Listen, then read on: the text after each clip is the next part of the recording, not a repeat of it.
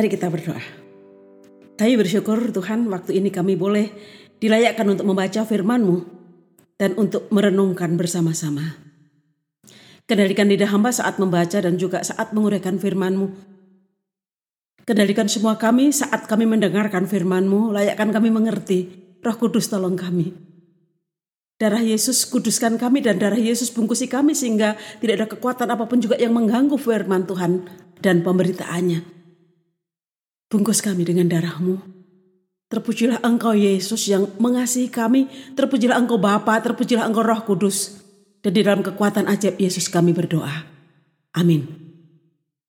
Matius 9 ayat 9 dan seterusnya. Saya akan baca ayat 9 lebih dahulu. Setelah Yesus pergi dari situ, ia melihat seorang yang bernama Matius duduk di rumah cukai. Lalu ia berkata kepadanya, Ikutlah aku. Maka berdirilah Matius lalu mengikuti dia. Nah, setelah Yesus pergi dari situ, dari mana? Dari ia menyembuhkan orang lumpuh dan banyak orang memuliakan Allah.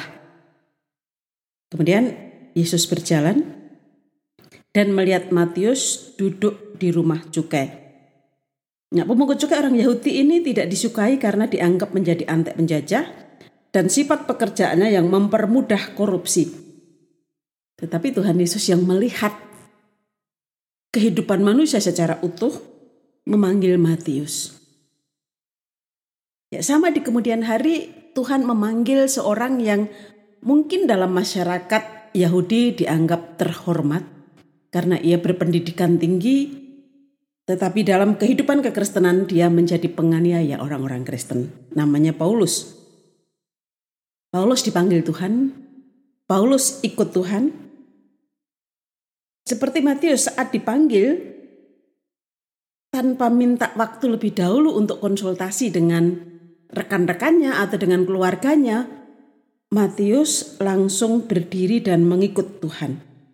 Paulus bersaksi dalam suratnya kepada jemaat Galatia, Galatia 1 ayat 16b, maka sesaat pun aku tidak minta pertimbangan kepada manusia. Nah saat dipanggil melayani, Paulus tidak sesaat pun minta pertimbangan manusia.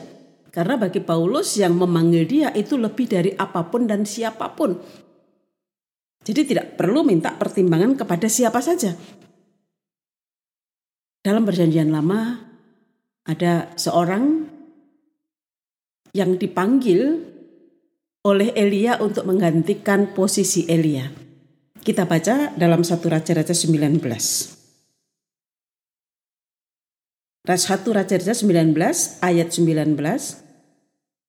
Setelah Elia pergi dari sana, ia bertemu dengan Elisa bin Safat yang sedang membaca dengan 12 pasang lembu.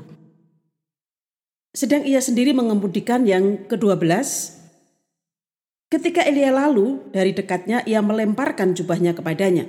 Ayat 20, Lalu Elisa meninggalkan lembu itu dan berlari mengikuti Elia katanya, Biarkanlah aku mencium ayahku dan ibuku dahulu, lalu aku akan mengikuti engkau. Jawabnya kepadanya, baiklah pulang dahulu dan ingatlah apa yang telah kuperbuat kepadamu. Ya, bukan pulang untuk konsultasi, boleh enggak menjadi nabi? Tidak pulang untuk mencari sahabatnya, untuk tanya-tanya kira-kira gimana ya? Tidak, Elisa pulang untuk pamitan. Elisa pulang untuk mengadakan pesta perpisahan, perpisahan dengan pekerjaannya, perpisahan dengan keluarganya, perpisahan dengan pekerja-pekerja orang tuanya dengan handetolannya. Sama dengan Matius. Saat Matius dipanggil, Matius langsung ikut. Kemudian dia mengundang makan. Matius 9 ayat 10 Kemudian ketika Yesus makan di rumah Matius, datanglah banyak pemungut cukai dan orang berdosa dan makan bersama-sama dengan dia dan murid-muridnya, murid-murid Yesus. Jadi ini juga cara bagaimana Matius memperkenalkan Yesus kepada rekan-rekannya. Pamitan seperti Elisa.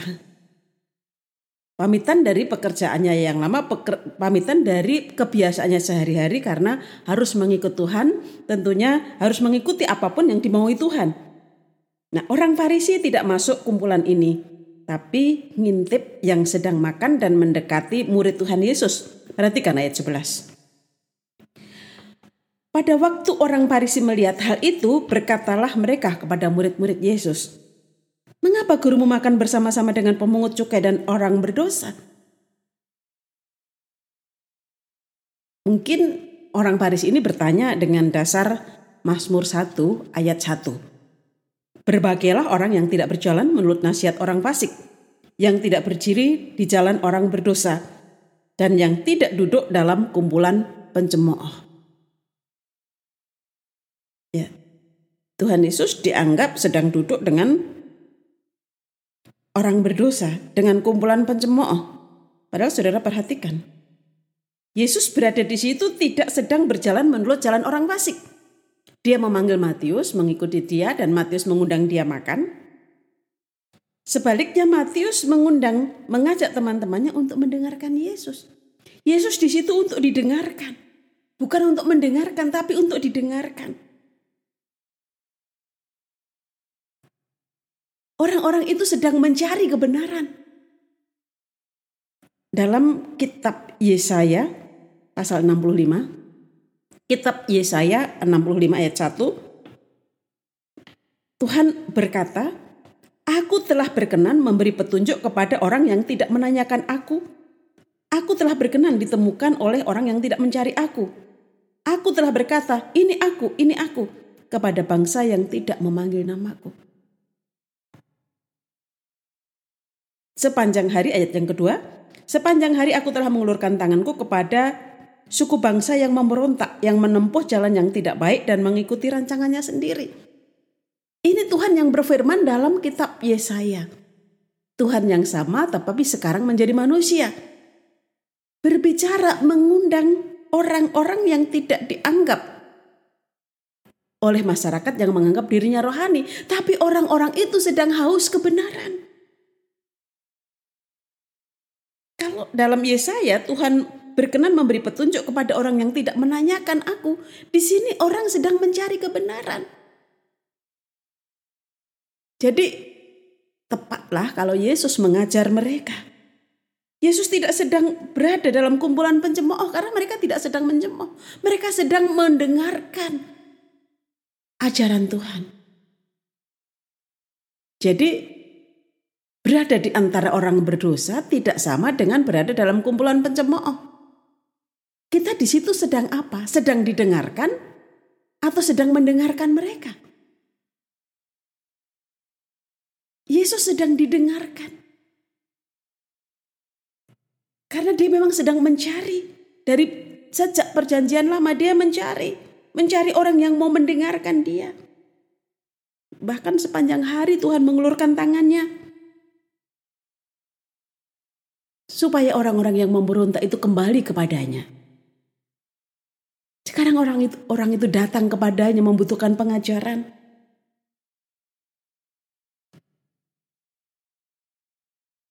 Jadi Yesus mengajar mereka.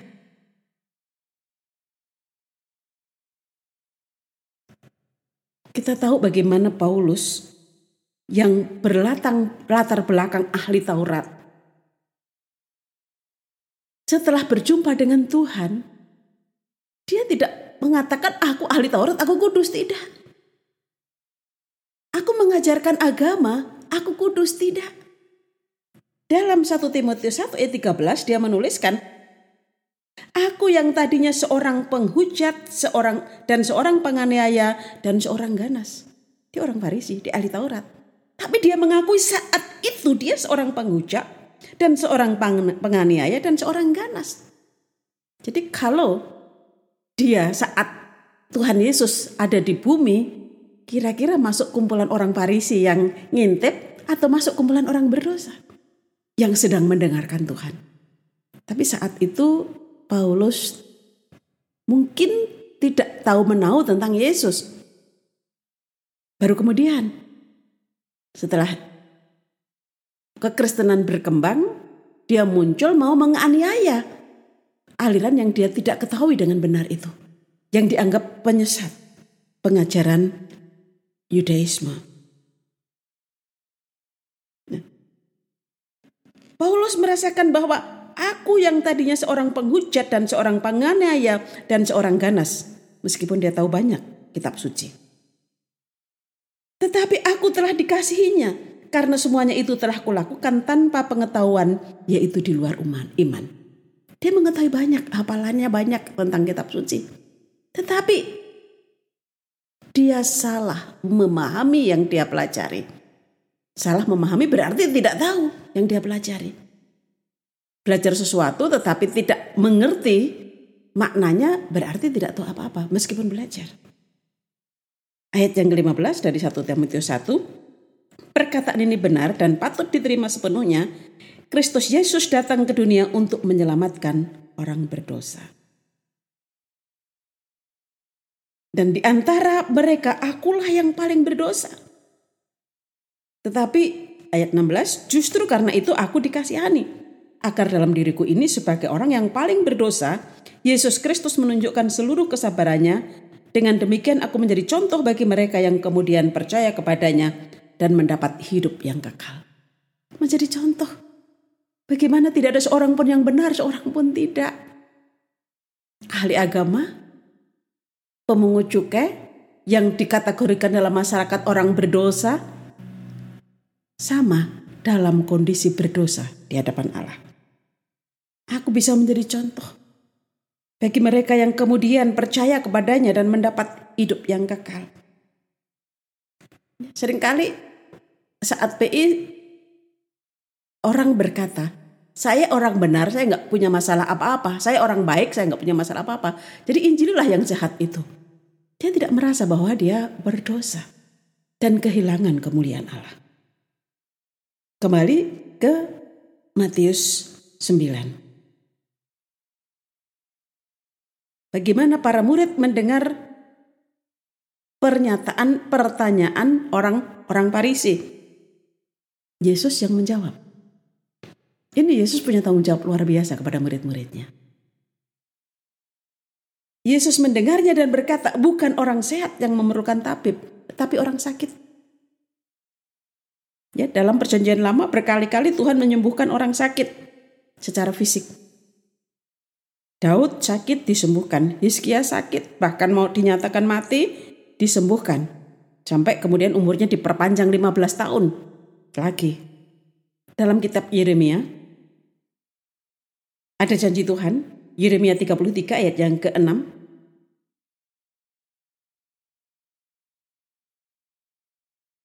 Sesungguhnya aku akan mendatangkan kepada mereka kesehatan dan kesembuhan, dan aku akan menyembuhkan mereka dan akan menyingkapkan kepada mereka kesejahteraan dan keamanan yang berlimpah-limpah. Ayat 7, Aku akan memulihkan keadaan Yehuda dan Israel dan akan membangun mereka seperti dahulu. Delapan, aku akan mentahirkan mereka dari segala kesalahan yang mereka lakukan dengan berdosa terhadap aku dan aku akan mengampuni segala kesalahan yang mereka lakukan dengan berdosa dan memberontak terhadap aku. Ini janji Tuhan yang luar biasa untuk Yehuda yang saat itu sedang memberontak dan mereka akan dihukum. Sudah ada yang dihukum dibuang ke Babil dan ada yang sedang dipersiapkan untuk dihukum karena mereka tetap tidak mau bertobat. Nah, Yesus menyatakan bahwa bukan orang sehat yang memerlukan tabib tapi orang sakit. Hari itu juga Yesus melakukan bagaimana dia bukan sekedar mengajarkan kebenaran tetapi juga menolong fisik manusia. Perhatikan Matius 9 ayat 18 sampai 25. Sementara Yesus berbicara demikian kepada mereka, datanglah seorang kepala rumah ibadat lalu menyembah dia dan berkata, Anakku perempuan baru saja meninggal, tapi datanglah dan letakkanlah tanganmu atasnya maka ia akan hidup. Ini bukan menyembuhkan orang sakit. Ini sudah meninggal. Tapi masih juga datang kepada Yesus karena anaknya baru saja meninggal. belum dikuburkan. Lalu Yesus pun bangunlah dan mengikuti orang itu bersama-sama dengan murid-muridnya. Yesus tidak marah. Meskipun permintaan orang itu mungkin untuk banyak orang aneh, mustahil. Tapi orang ini percaya Yesus dan Yesus pun memenuhi permintaannya. Nah, tapi waktu sedang berjalan ayat 20, pada waktu itu seorang perempuan yang sudah 12 tahun lamanya menderita pendarahan maju mendekati Yesus dari belakang dan menjamah jumbe jubahnya. Karena katanya dalam hatinya, asal ku jamah saja jubahnya, aku akan sembuh. Tetapi Yesus berpaling dan memandang dia serta berkata, Teguhkanlah hatimu hai anakku, imanmu telah menyelamatkan engkau. Maka sejak saat itu sembuhlah perempuan itu. Nah, jadi ada yang minta anaknya yang mati dihidupkan, tapi sebelum Yesus sampai ke tempat anak yang sedang mati, sudah ada yang disembuhkan di jalan. Ayat 23, ketika Yesus tiba di rumah kepala rumah ibadat itu dan melihat peniup-peniup seruling dan orang banyak ribut, berkatalah ia, pergilah, karena anak ini tidak mati tetapi tidur. Tapi mereka mentertawakan dia. Setelah orang banyak itu diusir, Yesus masuk dan memegang tangan anak itu, lalu bangkitlah anak itu. Ya. Jadi, bagaimana? Permintaan bapak yang anaknya mati ini mustahil. Tapi dia percaya kepada Yesus. Dan tidak ada yang mustahil bagi Allah. Artinya Yesus adalah Allah.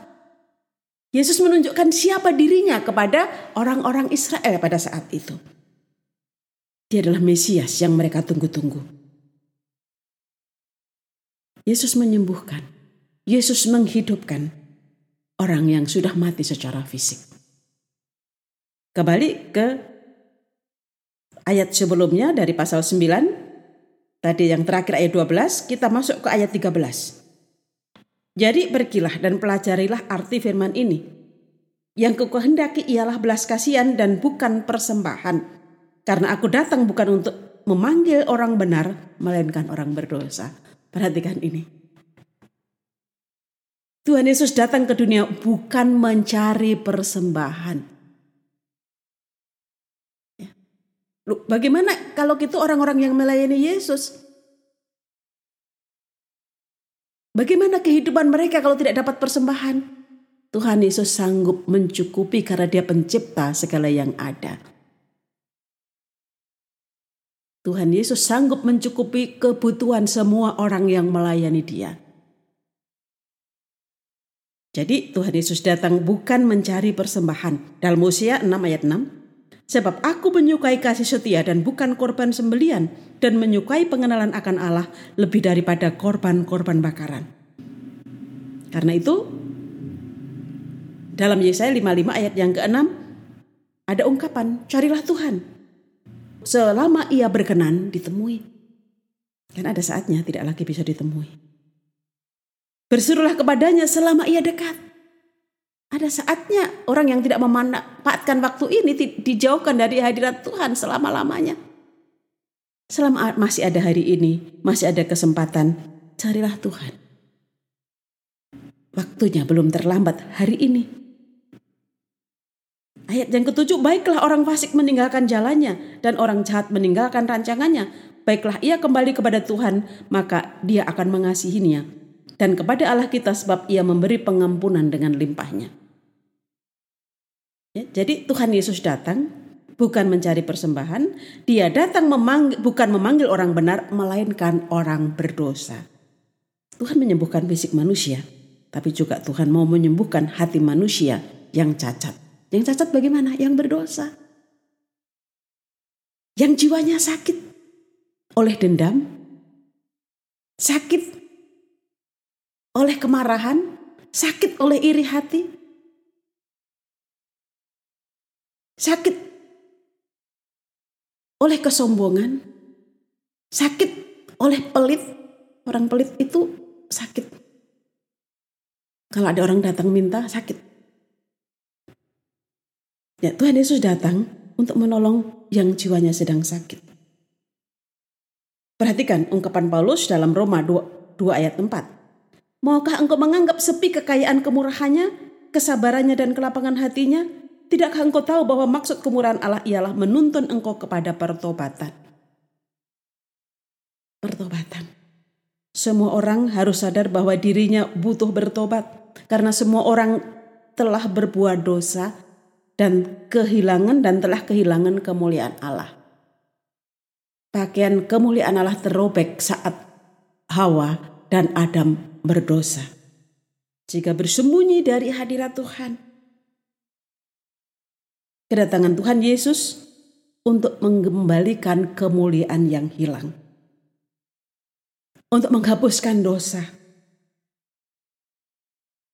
lalu mengenakan kembali kemuliaan kepada manusia, sehingga manusia bisa menghadap kemuliaan Allah. Tuhan berkenan ditemui bahkan sedang mencari yang hilang. Dalam Matius 18:11 karena anak manusia datang untuk menyelamatkan yang hilang. Nah, setelah Anda dan saya diselamatkan dari dosa, kita bisa belajar kebenaran dan hidup dalam kebenaran. Lalu kita bersama Tuhan mencari yang hilang. Ya seperti Matius dipanggil Tuhan, Kemudian dipakai Tuhan mencari yang hilang. Usaha Matius mencari yang hilang bukan hanya saat dia hidup. Saat dia hidup memang usahanya saat itu tapi dampaknya sampai sekarang. Saat dia hidup dia berusaha PI, berusaha mengembalikan orang kepada kebenaran.